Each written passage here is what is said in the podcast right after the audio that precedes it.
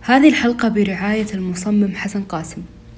وأنا شهد الريس أقدم لكم عشرة أشهر. من أين جاء إلهام عشرة أشهر؟ هل ولدته ذات فجر غيمة بيضاء؟ أم أنجبته في الربيع نخلة خضراء؟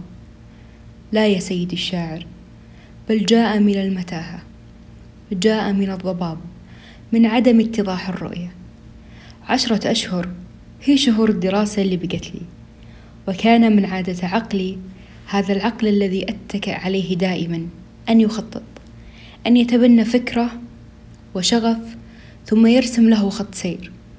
وكان يبهرني كان دائما يصل. لا أزال ممتنة لكل خطة رسمناها معا. لكن المشكلة ليست هنا. تثار المشكلة عندما تسأل عقلك سؤالا ولا تجد جواب.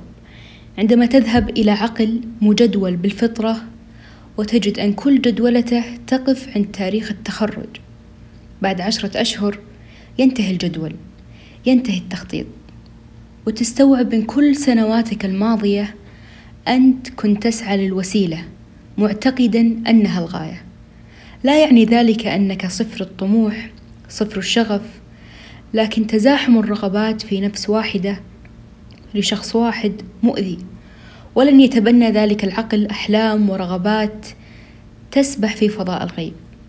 لذلك كان الحل الوحيد للخروج من طريق الضباب هو الاتجاه لطريق آخر تماما بعيد كل البعد عن حيرة ماذا بعد التخرج. فكرة جديدة ومشروع جديد يسمح لي بالتخطيط لفترة تمتد لأكثر من عشرة أشهر. أصب فيها اهتماماتي واتجاهاتي في الأدب وشوية فن وطرح قضايا المجتمع وهمومه من باب استعمال التخصص. في قالب لطيف وخفيف من خلال بودكاست عشرة أشهر. وبس هذه الحكاية. هي فوق الأسفل